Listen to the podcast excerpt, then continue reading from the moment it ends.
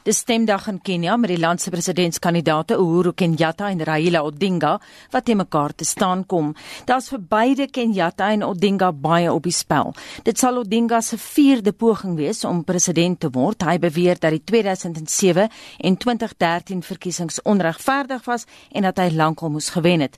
180 000 polisiebeamptes gaan ook vandag ontplooi word om die vrede te bewaar en geestelike leiers van 20 kerke het in Eldoret vergader vergader om te bid vir 'n vredesame proses. Die groot vraag is of die Keniane dit gaan regkry gegee die geweld wat in 2007 meer as 1000 lewens geëis het na 'n betwiste omstrede verkiesing.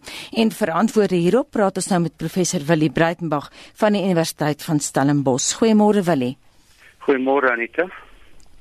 Die voorsitter van die Keniaanse Kommissie vir Menseregte, Kagwira Mogori, is bekommerd oor pamflette wat kiesers van sekere stamme nou maan om alliefs weg te bly van die stembus af. Verwag jy 'n herhaling van 2007 se geweld?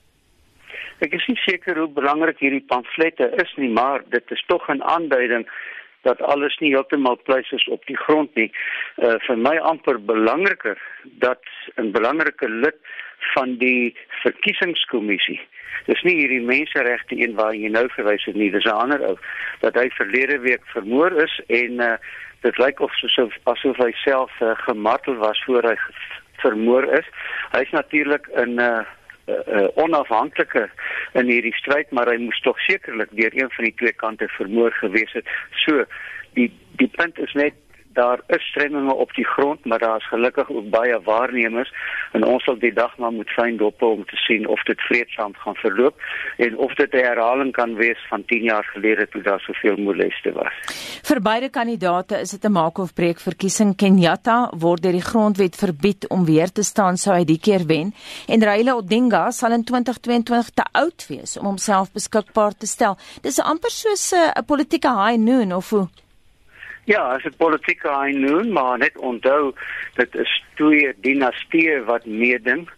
Dit is die Kenyatta dinastie.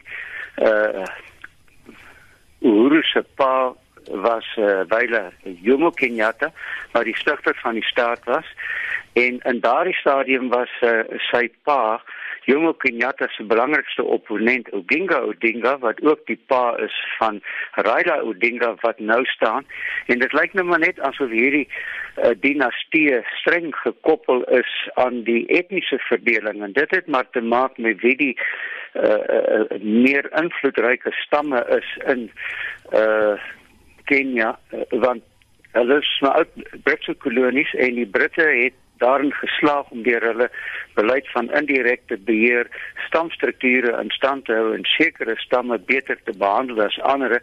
So byvoorbeeld het oupa uh Jomo Kenyatta sy doktorsgraad in Engeland gaan doen. Terugkom in 'n Mau Mau leier geword, maar hy was geleerd en dit het gemaak dat hy die eerste president van die land in 1963 geword het. 19 miljoen Keniane het geregistreer om te gaan stem, 'n baie belangrike verkiesing gegee die breër historiese konteks. Meer as die helfte van die groep wil is onder 35. Vir wie dink jy gaan die jeug stem?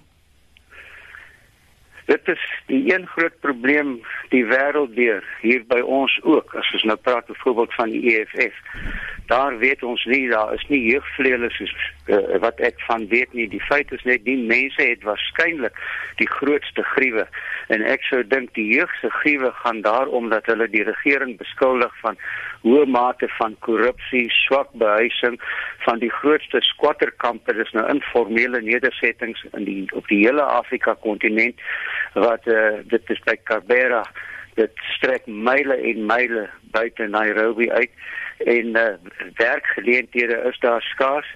Uh so dit is die heel lys uh, ekonomiese klagtes wat hulle kan hê daarteenoor sou die president uh, uh, Uhuru Kenyatta tog dinge kon uh, opnoem wat sy regering die afgelope 5 jaar reg gekry het. Of dit belangrik genoeg is om die skaal te laat swaar, weet ons nie.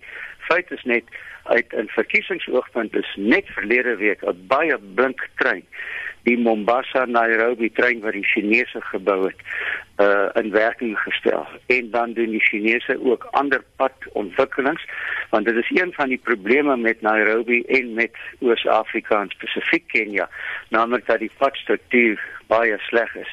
En uh, dit word nou opgeknap en dan ook die stedelike uh, ontwikkelings word tog ook opgeknap en uh, dan kan 'n mens ook sê dat die informasie-tegnologie wat ingebring is ook onder die huidige president se leiding. Dit is die samevlansing of die samewerking tussen Bill Gates se Microsoft en die grootste maatskappy in Kenia se naam is Safaricom.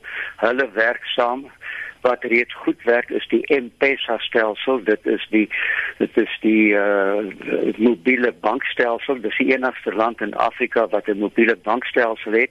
Dus daar is twee stelle gegevens en goedere en uh dit sal nou maar afhang van wat die bevolking glo as hulle sou gaan stem vir wie hulle sal stem.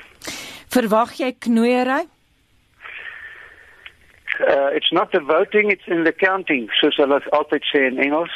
Ek dink daar was 'n bietjie knoeiery uh in die aanloop na die verkiesing, maar waarskynlik wat ek van weet nie nou tydens die aanloop nie en of daar knoeiery gaan wees vandag by die stembus sal ons maar in die loop van die dag hoor, maar in 2013 toe daar groot uh, maracas uitgebreek het om dit nou so te noem daar was dit in the counting geweest dit mm. hoe die stemme getel is en toe het die president dit is nou die sittende president uh, Uhuru Kenyatta 51% van die presidensiële stemme gewen sê teen die 44 van Raila Odinga en 6% na die ander. Maar omdat daar hierdie jaar 8 kandidate is wat deelneem, mag dit net wees dat nie een van die twee topkandidate vandag 50% oorwinning behaal nie dat hulle met ander woorde dan 'n opvolgverkiesing sal moet hou wat eers vir September geskeduleer kan word en dan sal dit dan uh, afgebring word na die getal van 2 naamlik net tussen Raila Odinga aan die een kant en die president aan die ander kant. Tog het ek die gevoel nadat ek hierdie moontlikheid nou net uitgespel het van 'n opvolgverkiesing dat die president tog genoeg dinge op sy baadjie het om te kan sê dis al vir julle vir my moes gestem het. En ek verwag dis 'n baie skrale oorwinning vir die president met die tweede beste opsie 'n uitstelverkiesing maar dat Odinga kan wen dink ek nie. Baie dankie en so sê professor Willie Breitenberg van die Universiteit Stellenbosch